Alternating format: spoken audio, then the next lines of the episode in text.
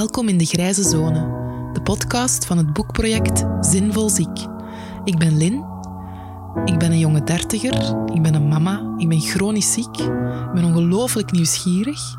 En daarom ben ik op zoek naar manieren om ziek en zinvol weer dichter bij elkaar te brengen. Ik ben op zoek naar het speelveld tussen zwart, zielig ziek in een hoekje, en wit, zo gezegd ongelooflijk zinvol tegen 200 per uur meehollen in de redrace. Ik zoek de grijze zone. En om alle vragen die ik heb te beantwoorden, ga ik in dialoog met heel uiteenlopende stemmen uit ons sociaal weefsel. Wie precies? Daarvoor moet je hier maar regelmatig eens komen luisteren. Dat ga ik nog niet verklappen. Heel veel luisterplezier.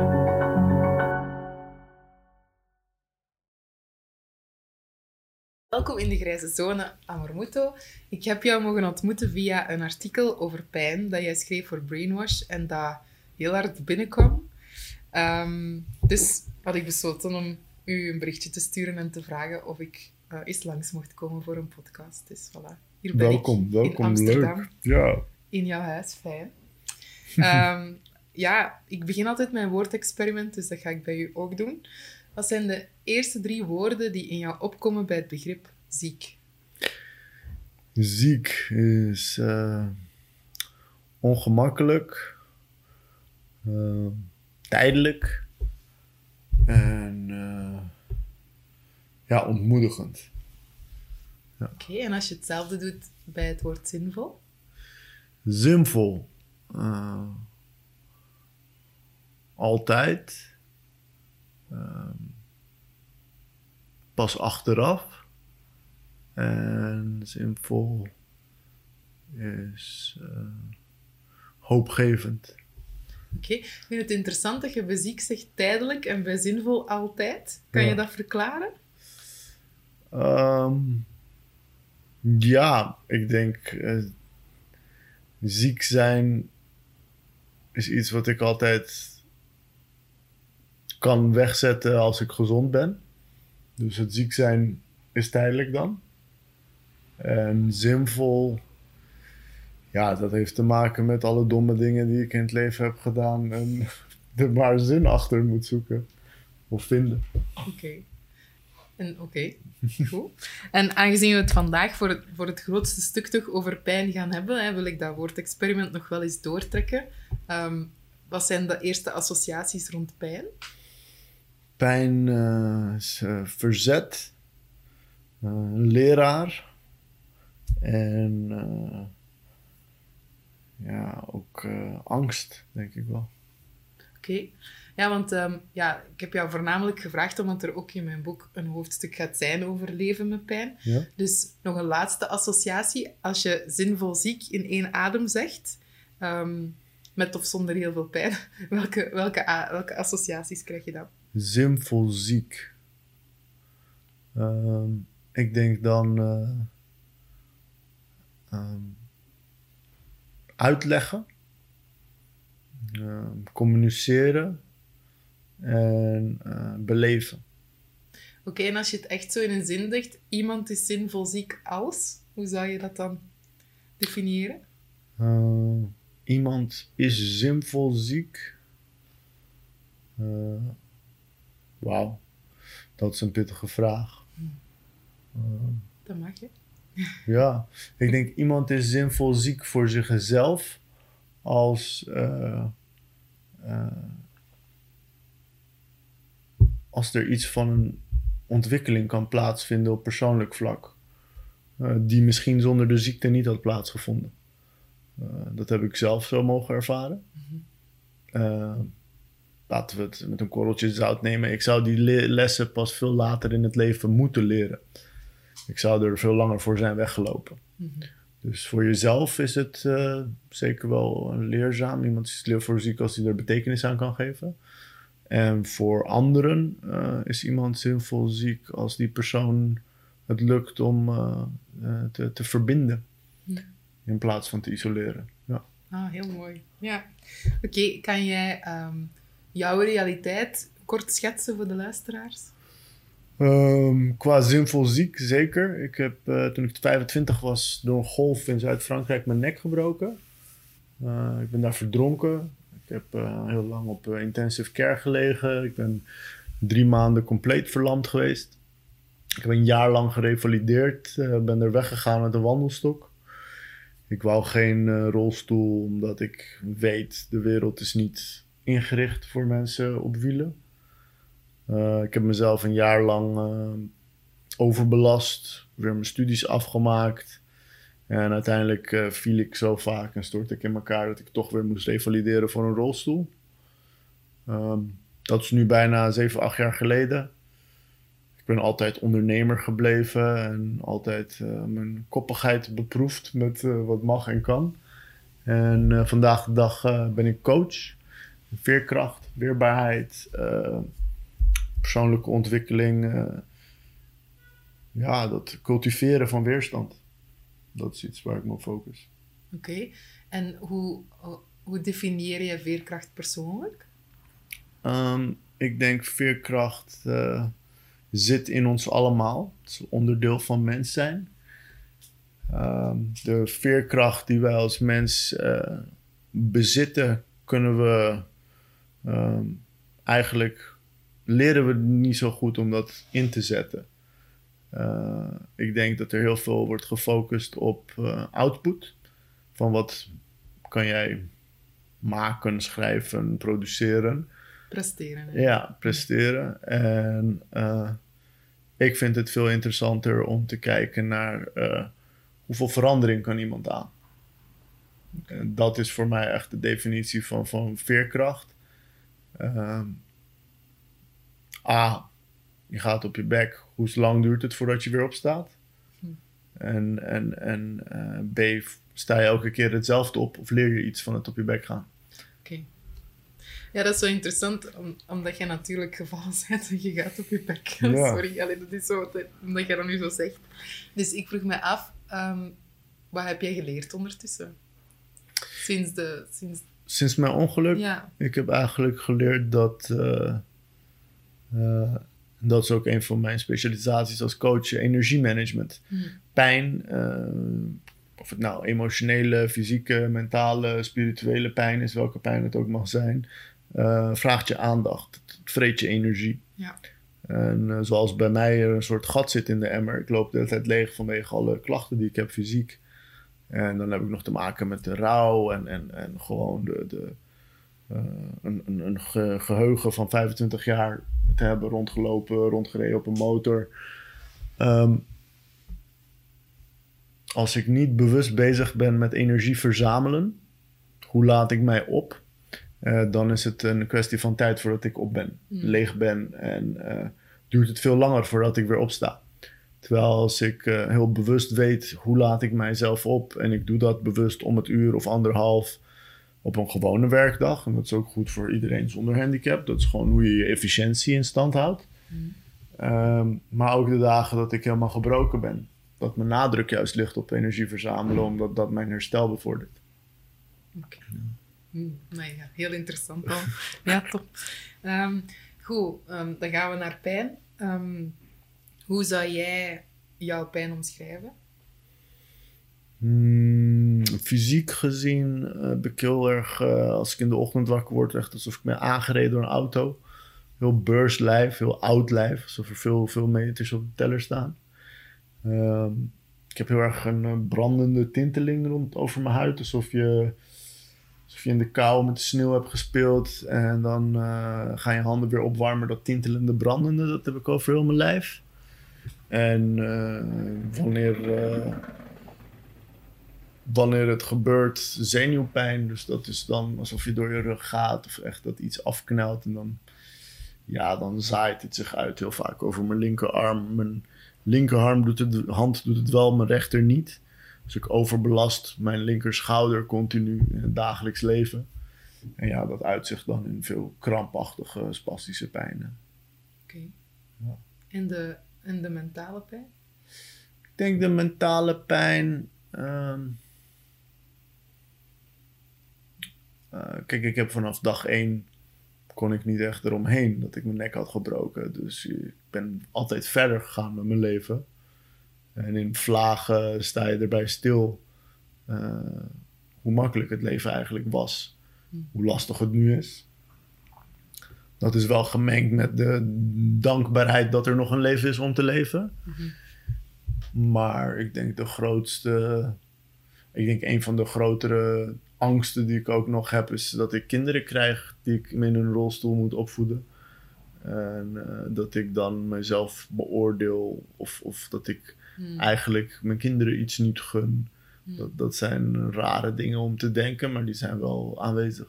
Maar daar kan ik u echt in geruststellen. Dat is, uh, ik dacht dat ook. Um, toen mijn eerste kindje geboren werd, was ik ook in één grote paniek van... Oh, garme...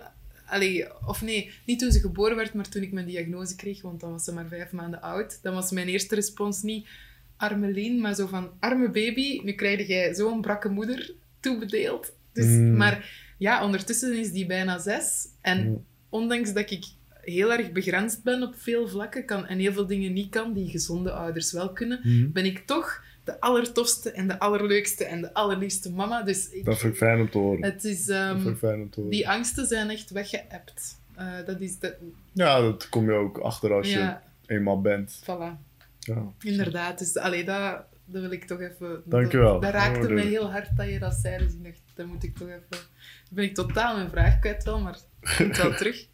Um, nee, het, het, ja, je, je, zei zelf, je begon zelf al over rouw. Je hebt dat woord aangehaald. Het is mm. misschien wel interessant om daarop in te gaan. Um, hoe, hoe is dat voor jou verlopen, dat rouwen om het verlies van de gezonde versie van jezelf? Mm. Ik denk, uh, ik denk rouwen om mezelf. Ik denk uh, de alle manieren die ik uh, tot mijn beschikking had om de emoties die ik graag ervaarde te ervaren, die waren weg. Hmm. Dus een hele lang ben ik uh, zoekende geweest naar hoe voel ik me weer zoals ik me wil voelen. Waar krijg ik weer een glimlach van op mijn gezicht? Dat was niet zo moeilijk, maar eigenlijk ook nou, eigenlijk wel een positieve rouw, want ik ben veel dingen kwijtgeraakt die mindere eigenschappen waren van mij. Dus ik heb, was gewend heel veel van mijn emoties uh, te ontlopen door heel excessief te kickboksen en motor te rijden en te feesten en al die dingen. Eh, die, die, die hebben gewoon een hoger prijskaartje nu en sommige zijn onmogelijk. Dus kan ik niet meer om mijn gevoel heen. Dus heb ik mijn gevoelens moeten aanschouwen collateral beauty, zeg je Ja, ja. Dus hmm. eh, ik denk dat dat wel een waardevolle rouw is, maar aan de andere kant is het ook gewoon een bepaalde vrijheid die je niet meer hebt.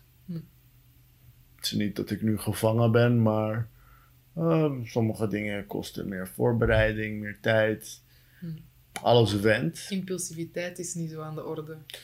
Ik heb het zoveel mogelijk gehercreëerd. En uh, eh, ik denk, ja, dat is eigenlijk een vriend van mij. Van, joh, op onze leeftijd wil niet, niemand meer de in een boom klimmen of zo. Dus dat jij het niet meer kan is niet zo'n big issue.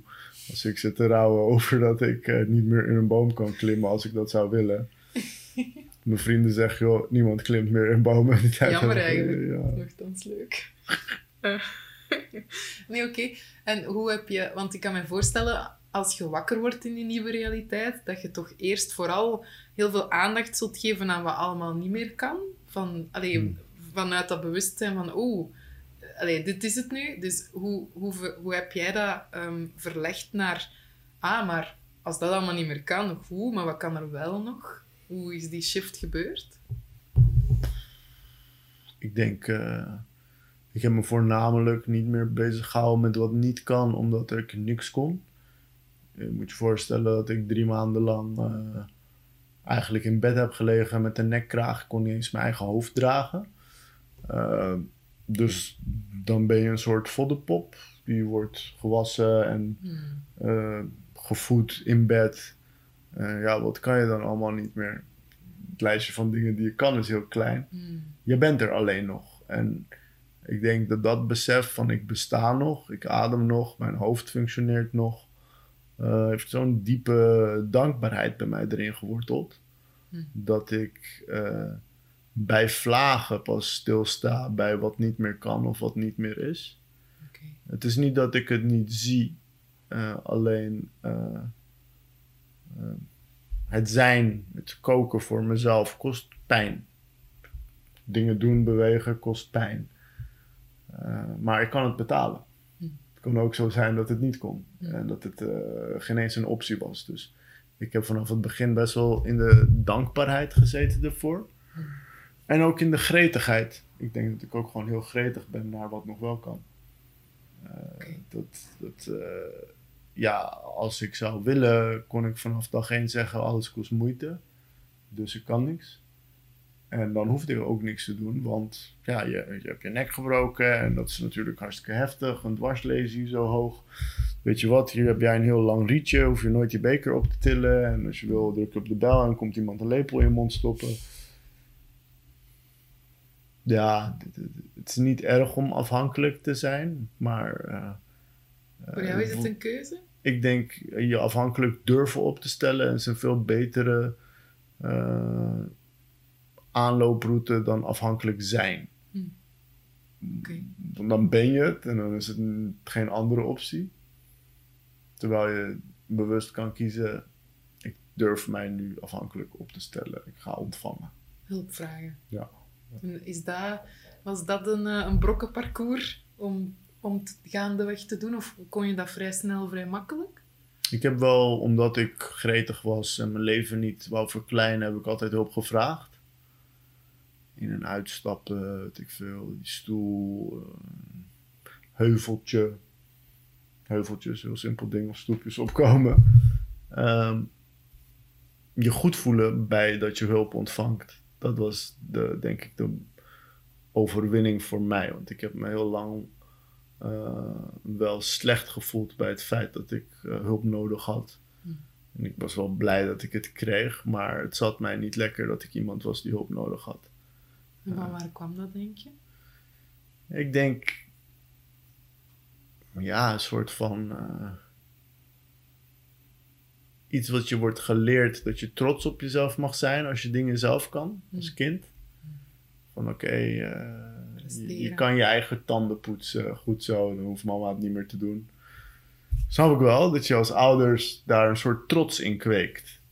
Alleen ik denk dat de keerzijde van die trots. De, mm. Ik denk dat je het ook misschien bij senioren kan zien, die dan op een gegeven ogenblik minder zelfstandig zijn die verzetten daar zich tegen. Want dan ervaar je weer het kindse, dat je mm. afhankelijk bent van een... Dan krijg je weer stickertjes als je flink bent geweest. Ja, precies. Dus ik denk die schaamte die daar ontstond had te maken met dat ik niet meer trots op mezelf kon zijn van ik doe het zelf. Mm. Of nog lastiger, iets wat ik wel kan, maar het kost mij veel moeite om daarvoor te mm. vragen. Ben ik dan intern mezelf aan het uh, beoordelen als laf of lui? Hmm. Van dat kan je toch zelf, waarom laat je iemand anders het doen? Ah, interessante dynamiek. Ja. Oké, en denk je dat het een. Uh, is het een systeemding? Want je hoort mensen heel veel spreken over de individualisering en de maakbaarheid en de. Eh, de, de um, ja, alles is een keuze en geluk is een keuze. En, en dus is, is dat dan ook, heeft dat ook te maken met bang zijn om, om hulp te aanvaarden vanuit heel dat systeem waar wij in leven?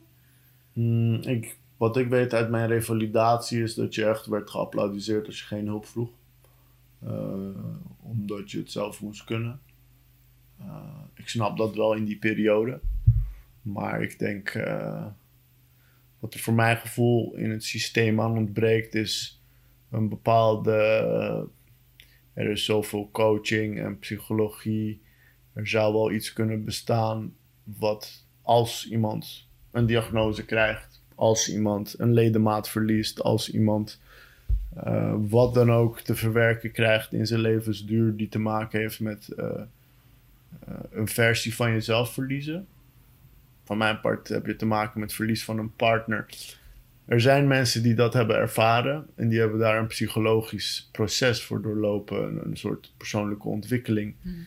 Uh, dat wordt nergens gefaciliteerd. In principe krijg je medicijnen en gebruiksaanwijzing daarvoor mee. Absoluut. Maar het... En eh, een doorverwijsbrief naar de psycholoog als je een beetje te triest bent. Dat ook wel soms. mee- vaak. Ja, en ik denk dat er een soort. Ja, daar zouden heel veel mensen ook voor elkaar iets kunnen betekenen. Dat je dat hebt ervaren. Ik weet bijvoorbeeld, mijn moeder die heeft zich heel erg verdiept in de dwarslesie-organisatie in Nederland.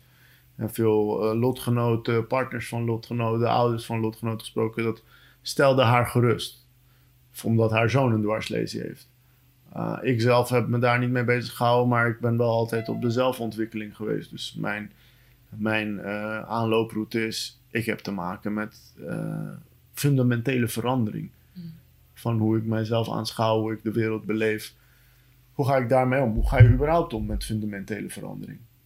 Maakt niet uit dat dit het, de casus is. Mm. Iedereen eh, voelt zich onwennig of, of het feit dat je weer een beginner bent. Ben je dan pro ehm, bijvoorbeeld een vak als persoonlijke ontwikkeling bij de allerkleinste kindjes al op school? Ik geloof dat dat het enige vak zou kunnen zijn.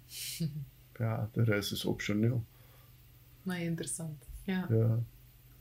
Want bijvoorbeeld, ik heb ehm, eh, voor, voor het, allee, dit boekonderzoek bijvoorbeeld ook samengezeten met de minister van Volksgezondheid Mhm. bij ons. En ik heb haar diezelfde vraag gesteld van, mag persoonlijke ontwikkeling geïnjecteerd worden in ons onderwijs op een bewuste manier? En die, die reactie was onmiddellijk, ja, kinderen zijn wel kwetsbaar, die mag je niet eh, blootstellen aan goeroes en zo. En dan zit, dan zit je daar als een einde conversatie, allee, wat betreft die vraag. Ook al heb ik dan gezegd van ja, positieve, of ik heb dat dan nog proberen counteren van eh, positieve psychologie is nogthans al best onderbouwd.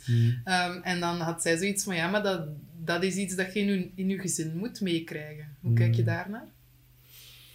Ik vind dat, eh, ik weet niet wie die persoon was, maar de, de associatie van persoonlijke ontwikkeling en goeroes Ja. vind ik heel kort door de bocht. Mhm. Ik ken ook wel schoolvormen die eh, mindset leren. Mindset is gewoon een ding, je kan dat niet ontkennen. En eh, dat daar methodieken voor zijn en een growth mindset. Dat is dan wat er in deze school wordt geleerd aan hele jonge kinderen. Mhm. zijn concepten die kinderen begrijpen, die dan ook kunnen zien wanneer ze met iemand te maken hebben die wel of niet een growth mindset heeft. En in principe is wat wij in ons leven kunnen meemaken niet meer dan groei. Hm. Ja, en dat dat gepaard gaat met een bepaalde gemoedstoestand, een bepaalde manier, een bepaalde cyclus. Ik, eh, ik kan me bijna eh, niet voorstellen hoe de wereld eruit zou zien als mensen zich er niet in zouden verdiepen. Hm. Het is een levensbehoefte. ja. Ja. Maar er wordt toch wel heel weinig, op zich heel weinig aandacht aan besteed. Want ook in carrièrevorming of zo is het toch... Het is een luxe goed. Ja. En dat is in principe ook iets wat ik als coach probeer te veranderen.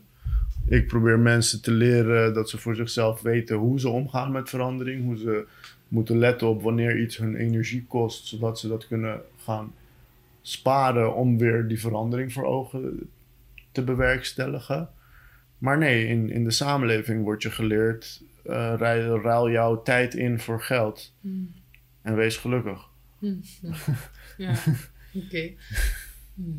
Ja, ik heb zelf gemerkt, want persoonlijke ontwikkelingen, daarin overlappen we ook. Allee, op het feit nadat ik niet in een coach, allee, niet, niet coach of, of daar ook niet per se veel interesse in heb, wel in lezingen geven en zo, maar niet vanuit een, een coachende gedachte. Ehm, maar persoonlijke ontwikkeling heeft mij althans ehm, door heel veel kindpijnen geduwd, eh, waardoor nu mijn, mijn draagvlak of mijn veerkracht voor Mhm. mijn pijn, voor die Ja. constante pijn, wel veel gegroeid is. Dus ehm, heb jij dat ook zo ervaren? Ben je echt moeten gaan kijken naar kleine Amor en hoe hij omging met pijn en verdriet en, en kwetsbaarheid? Ik denk dat het concept en de associaties die ik eh, nog steeds eh, in mijn onderbewustzijn probeer te veranderen van eh, gevoelens zijn geen zwakte, kwetsbaarheid is geen zwakte. Eh, de echte sterke durven kwetsbaar te zijn, eh, durven gevoel te tonen. Dat is een lange reis. Ja, en dat is ook precies de reis die ik niet had genomen als ik mijn ongeluk niet had gehad. Want ik zit in een rolstoel, dus labelen mensen mij als zwak Mm. of, of verzwakt. Eh, eh, terwijl ik de rolstoel niet eens als grootste obstakel of handicap in mijn leven heb ervaren. En wat is dat dan wel? Ik denk eh, de, de ehm, bereidheid om liefde te ontvangen. Ja. Wauw. Ja, dat is wel... Oké. En, nu, en nu is... Allee, die handicap wordt steeds kleiner dan, neem ik aan. Allee, die bereidheid om liefde te ontvangen is heel hard gegroeid. Dat is denk ik eh, zeker in, in, in, in, in, in een groeispurt bereikt. En eerst natuurlijk heel erg dat, omdat dat een initieel probleem was, los van die dwarslesie, uh, werd ik heel erg geconfronteerd met dat mensen mij liefde willen geven. Puur vanwege mijn fysieke tekortkomingen. Als iemand je wil helpen, is dat een vorm van liefde. Hij, hij gaat uit zijn eigen weg om iets in jouw uh, verlangen of, of uh, beleving te verbeteren. Hm. En dat is een vorm van uh, unconditional, onvoorwaardelijke liefde. Ja. En dan je daar slecht over voelen dat mensen dat voor jou hebben. tot het punt dat je denkt: oké, dit is daadwerkelijk een probleem van mij. Het heeft niks met handicaps of wat dan ook te maken. Want er is, als iemand op de bank ligt en die heeft dorst, die roept zonder moeite: geef mij eens een glas water. En ik vind dat van mezelf dat ik in mijn rolstoel moet springen naar de keuken moet gaan om een glas water te pakken. Mm. Daar klopt iets niet. Mm. En uh, ja, dat is zeker wel gegroeid naar dat ik dit soort momenten ook als uitwisseling van liefde kan zien. Mm. En mag ik dan, mag, wat je net zei van nee, ik moet dat allemaal zelf doen, is dat dan een soort angst voor de stempel van de luie profiteur? Of van waar komt dat dan? Voor mij, dat is dan wel een lange reis geweest. Maar dat heeft niks met profiteur te maken. Het heeft te maken met de angst voor de teleurstelling wanneer dat er niet meer is. Als jij daaraan gewend raakt. Niet eens als een heel simpel voorbeeld waarom mensen uh, bindingsangst hebben of, of problemen met uh, intieme relaties. is meer omdat de pijn van het verlies te groot is om dat nog een keer te willen ervaren. Dus dan probeer dat te voorkomen. En ik denk dat dit net zo'n voorbeeld daar is van als ik gewend raak aan het feit dat mensen van mij houden. En dus dingen brengen en ja. Niet eens dat, maar nee. gewoon de liefde is er. Ja. En de dag dat de liefde er niet meer is, ja, dat is zo pijnlijk, dat wil ik eigenlijk niet. Dus laat de liefde er dan maar nooit zijn. Ja, ik denk dat heel veel mensen zo nog denken. Ja, ja. dat is een hele... Beetje hetzelfde misschien ook met kansen, allee, of toch vanuit mensen die langdurig ziek zijn of die een handicap hebben of eender wat. Um, dat is toch ook een beetje hoe, de, hoe onze samenleving daar nog altijd mee omgaat. Van, zij maar heel voorzichtig, Hmm. dat je zeker niks doet dat het potentieel nog erger kan maken. Hmm. Want toch armen of zo. Allee, ter, dus wij worden bijna aangemoedigd om zielig ziek in ons hoekje te blijven zitten Hmm. waar het veilig is dan om, om mogelijk een kans te grijpen en op ons bek te gaan nog eens. Dus, Ik denk dat die relatie met weerbaarheid die iedereen voor zichzelf intern heeft, uh, je, je moet heel veel vertrouwen hebben. Wil je jouw kinderen gekke dingen laten doen? Heel veel vertrouwen hebben in hun weerbaarheid. En uh, mocht het zo, zo, erg zijn, dan breken ze een been of een arm. En dan herstelt dat zich. Als jij het niet kan aanschouwen dat jouw geliefde pijn ervaren, dan kan je ook niet aanschouwen dat ze hun weerbaarheid beproeven. Want je weerbaarheid beproeven beproef, kan alleen maar wanneer je bereid bent met schrammen thuis te komen. Ja, maar en, je kan pijn toch ook niet schrappen? Dat is toch een illusie? Allee, of dat nou, als je kijkt naar hoe we de wereld proberen in te lichten, proberen we wel alle pijn en ongemak te verdoven en te verhullen. Ja, daarvan is corona nu misschien wel een heel treffend voorbeeld. Ja. Niemand mag sterven, dus leg heel de wereld lam. Allee, een beetje zo, een angst ja, van... Ja, het heeft te maken met de, de, de, de, de, de angst die ons verlamt of uh, laat voorkomen van, oh nee, ja, iedereen is uh, gegarandeerd dood te gaan. Oké, okay? en als je wat meer op leeftijd bent of minder gezond bent, is de kans dat je overlijdt groter. Dit virus, die, de, de, dat maakte die kansen er niet beter op, alleen maar erger. Uh, en wat dat betekent, uh, de persoon die sterft, Allah, de nabestaanden moeten dat verwerken. Dus de, de hele retoriek in Nederland was ook: we willen niet dat mensen hun ouders overlijden, dus hou rekening ermee, want je ouders kunnen overlijden. Dat is jij of ik, nee, risicogroepen. En onze risicogroepen, los van dat ze risicogroep zijn, zijn het onze ouders, tantes, ooms, geliefden. Nochtans, wij, allee, ik werd ook officieel tot de risico. Ja, ja, zeker. Ja, dat wij allebei. Ehm, ja, voilà. Maar inderdaad, daar was heel weinig aandacht voor. Allee, behalve op een, op een heel begrenzende manier, vond ik dat. Uh, allee, een heel typerend voorbeeld vond ik bijvoorbeeld de bankjes in onze parken. Daar hing dan zo'n geplastificeerd papiertje op.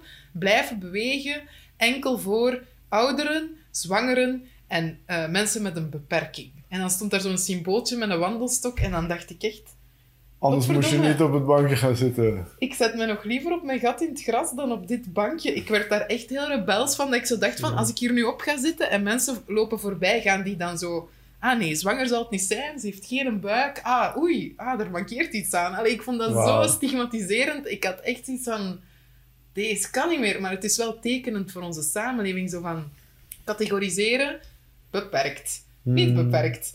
Dus het is daar waar ik heel opstandig van word en waar ik ook dus de grijze zone in zoek eigenlijk. Hè. Waar, zit, waar zit de speelruimte tussen ziek en dus dan maar zielig in een hoekje of zinvol uh, 200% uh, knallen in, in de red race? Hoe kijk jij hmm. daarnaar? Hoe creëren we zo'n grijze zone? Ik denk dat dat uh, los van fysieke, ja, gewoon diagnoses, als je kijkt naar de burn-outs die, die plaatsvinden, uh, is dat een heel mooi voorbeeld dat daar een gebrek aan is, aan een grijze zone. De, de prestatiemaatschappij, uh, uh, zolang we onszelf niet leren goed omgaan met onze energie, is het een kwestie van tijd voordat je opbrandt. Hm. sommige mensen, zeker, zijn gemaakt om hogere toeren te draaien.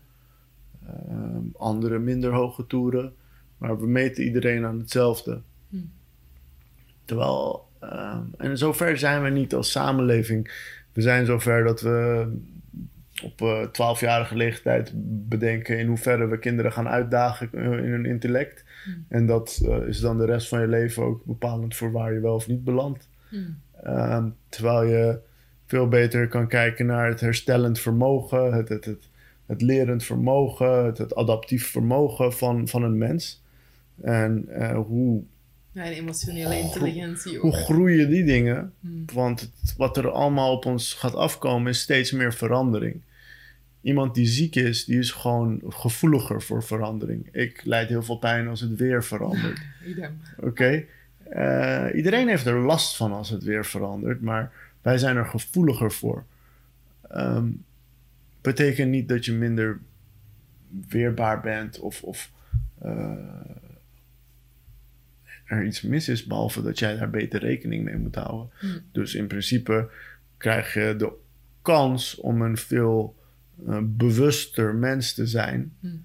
Veel beter in staat om niet jezelf in de brokken te lopen, omdat je al heel gauw op de bladen moest lopen. Hmm. Ik denk dat uh, de, de ruimte die nodig is voor mensen om gezond te functioneren, eh, raakt uh, de gevoeligen het eerste dat dat niet bestaat. Ja, inderdaad. En allee, in dat opzicht, dat is ook een beetje uh, een van de drijfveren voor mijn boek, is net um, die spiegel te mogen zijn naar iedereen die van zichzelf vindt dat ze gezond zijn en, en helemaal able om alles te doen. Um, dus hoe zou jij, allee, als jij nu de spiegel zou mogen zijn hm. voor gezonden, om het zo even maar te zeggen, en mensen zonder de mankementen, wat zou je zeggen? Uh, lastige vraag. Ah, die mogen ook. Ja, zeker. Ik denk. Uh,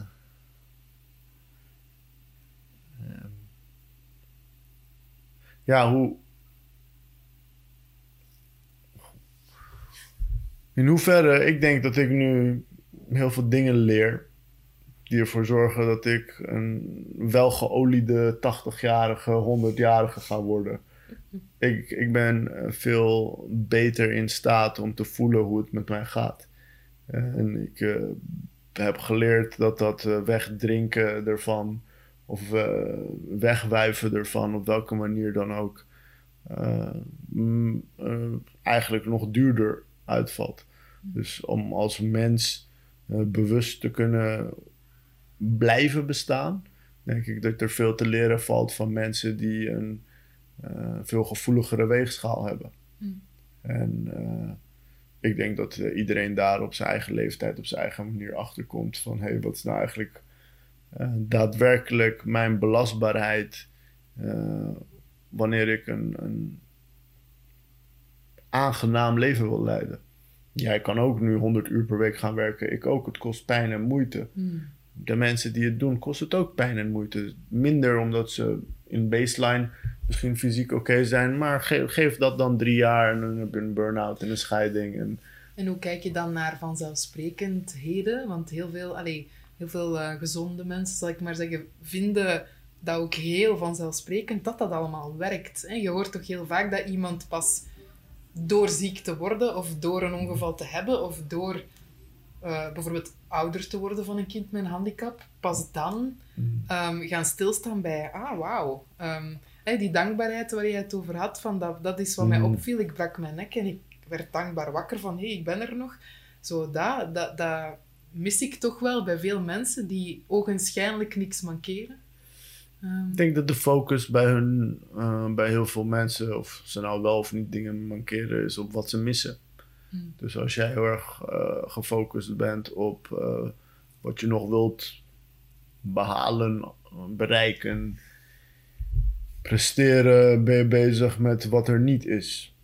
Ehm, wat in principe ook wordt gecultiveerd door dromen na te jagen. en- ja, en, en dat je minder waard bent als je minder hebt en als je minder bereikt. Al die dingen zorgen voor een bepaalde negatief geladen motivatie. En hoe draai je dat dan om? Want jij bent toch allee, op een bepaalde manier met de podcast dat jij ook hebt, Mhm. hè, met ondernemingen, ook een, ook een boek in wording, toch eigenlijk ook aan het streven naar dingen, maar niet vanuit een blik van dat heb ik nog niet? Of hoe, hoe, hoe werkt dat dan? Waar ik naar streef is, eh, eh, dat zal je dan ook in mijn boek lezen, maar ook in mijn podcast, dat eh, het heftig mag zijn, het heftig is. Hm. Of het nou verlies of verandering is. Of groei? Ja, Mm. m- maar het is. Ik vind dat altijd zo hinderlijk dat eh, de promotie eh, of de ding wat aanslaat is. Het is mij gelukt. En nu sta ik hier glimmend, glad gestreken. Hmm. En ik was ooit begonnen in een garage en nu zit ik in een paleis. En dan gaan we het niet te lang over hebben over hoe lang ik door het modder heb mogen kruipen.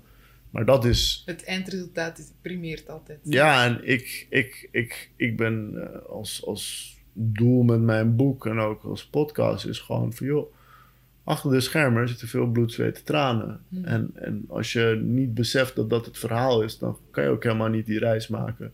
Het communiceren van dat de eh, eh, reis een, een, een pittige is, maar dat dat ook het genot, het genot is. Hmm. Dat je die reis mag maken. Ik denk dat dat mijn streven is, wat ik hoop te doen. En uiteindelijk is dat mensen te bereiken met kwetsbaarheid. Mooi. Ja. Ja. Oké, nog, nog een laatste thema dat ik ehm, nog graag wil aanraken, is de dynamiek begrip-onbegrip. Hè, want je hebt natuurlijk een leven voor en een leven na je rolstoel. Dus Ja. allee, ik kan me voorstellen dat daarin ook... ehm, ja, dat je daarin ook wel ontdekt hebt hoe het is om ehm, benaderd te worden door iemand die daar begrip voor wil hebben, dan door iemand die dat niet heeft. Dus vertel eens. Hmm. Of een samenleving die dat wel of niet heeft. Dat mag op eender welk niveau zijn. Ik denk eh, in Nederland, ik heb veel gereisd.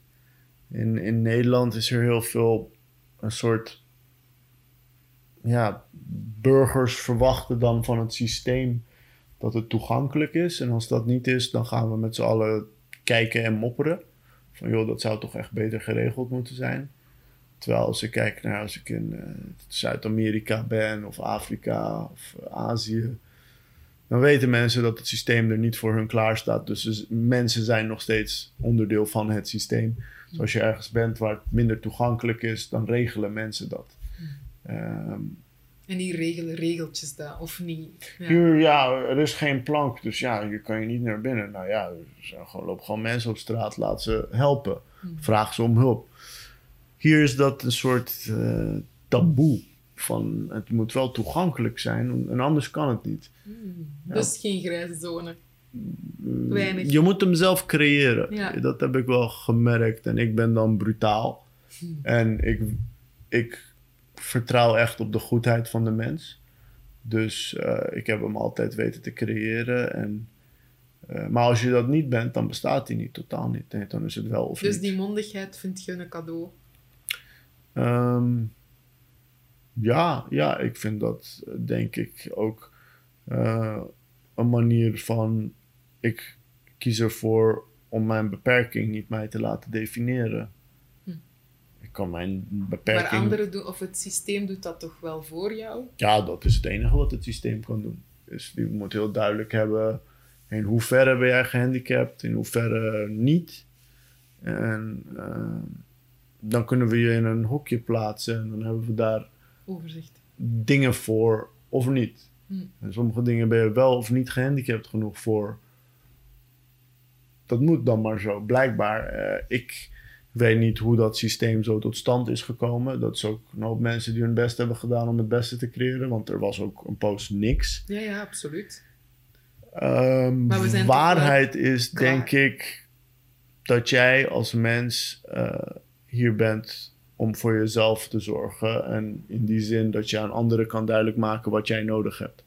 Om te verwachten dat een ander weet wat jij kan gebruiken of nodig hebt, is ja, wachten totdat je een, eh, ons weegt, als het ware. Ja, dat vind ik heel interessant dat je dat zo zegt, omdat dat ook echt de boodschap is die ik ehm, ook naar, alleen naar lotgenoten van chronische ziekte probeer door te duwen. Zo van, je kunt niet eh, zeurend in je zetel zitten van niemand heeft begrip voor mij Mm. als je niet bereid bent om te uiten waar er dan begrip voor moet komen of zo. Allee, of, of wat uw noden zijn, inderdaad, hè, Mm. zoals jij dat zei. Dus ehm, dat is wel interessant. Dus voor jou is het voor een groot stuk ehm, individuele verantwoordelijkheid, maar er zou wel een kader mogen zijn die het meer mogelijk maakt om je eigen weg te vinden. Ik denk dat dat kader al bestaat. En dat kader bestaat alleen maar in je hoofd. Ja, maar ik bedoel, je In- leeft toch in een land en dat land moet het toch faciliteren op een, of kunnen faciliteren op een bepaalde manier. Want als het u alleen maar tegenwerkt met regelgeving, bijvoorbeeld, ah nee, Ik heb discussies gehad met ambtenaren die zeiden van joh, de wet is dus en zo.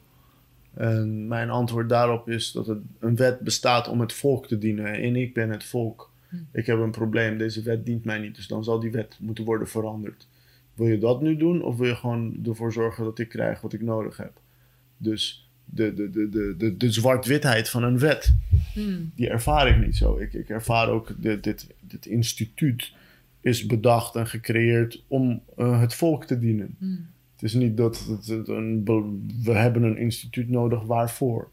Precies. Dus als de zorgbehoeften van mensen veranderen, dan horen ze die ook daadwerkelijk dusdanig door te drukken dat dat in de statuten van het institutionele ook verandert. hmm. En ik geloof dat misschien met diagnoses die moeilijk te stellen zijn, lang geleden nog niet eens bestonden, ga je geheid krijgen dat er in het instituut daar geen kaders voor zijn, want het bestond niet. Oké, maar dat moet dan toch ook gewoon mee evolueren. Ja, en dan praat je over het trage en het snelle karakter van, van het leven. Dus eh, die dingen, mensen zoals jij kunnen daar voorvechters van zijn dat het wel Dat is bestaat. ook de bedoeling. Ja, dat het wel bestaat. Maar Ja. dat het er nu niet is, hoeft niet te zeggen dat het er niet hoort te zijn. Hm. En dat je daar niet je poot voor stijf eh, moet houden. En wat je zegt over mensen die eh, klagen erover. Eh, niet iedereen is gemaakt om activist te zijn. Niet Hm. iedereen is gemaakt om dingen te veranderen. Hm. Sommige mensen, nee, sommige mensen overkomt dingen, maar eh, ik denk met jouw werk ook heel veel mensen duidelijk maken wat de kracht kan zijn die je hebt en wat je kan betekenen voor een ander. Heel veel dingen zijn heel lastig om voor jezelf te doen, maar wanneer je het grotere ziet, Hm. durf je daarvoor naar voren te treden en op te stellen. En eh, ja, het kost je moeite, veel moeite voor te doen. Hm. Maar Ja. het is het wel waard, denk ik. Zeker wel, ja. Ik vind Oké, het wel. heb je afsluitend nog een ehm, persoonlijke, inspirerende boodschap voor eender wie er naar luistert? voor eender wie er naar luistert. Ja, zeker. Ik denk dat eh, ehm, als je in de situatie zit dat je denkt dat er eh, veel aan je mankeert, dat er veel pijn bestaat, dat er weinig eh, eh, te winnen valt. Eh, ik hoop dat je dan het verschil tussen moe zijn en op zijn echt begrijpt. Hm. Soms ben je gewoon moe en kan uitrusten een hoop betekenen. En als mens ben je pas op als je ophoudt met ademhalen. Mhm. Dus neem vooral de rust die je nodig hebt Mhm. Om eh, weer op te kunnen staan. Want dat, dat, dat, dat- de, de mens, ziek of gezond, het lichaam heeft zoveel weerstand, weerbaarheid en kracht. Eh, dat gaat ons bewustzijn te boven eigenlijk, denk ik. Oké, heel Ja. erg bedankt. Heel Jij mooi. ook. Super. Mooi einde. Super.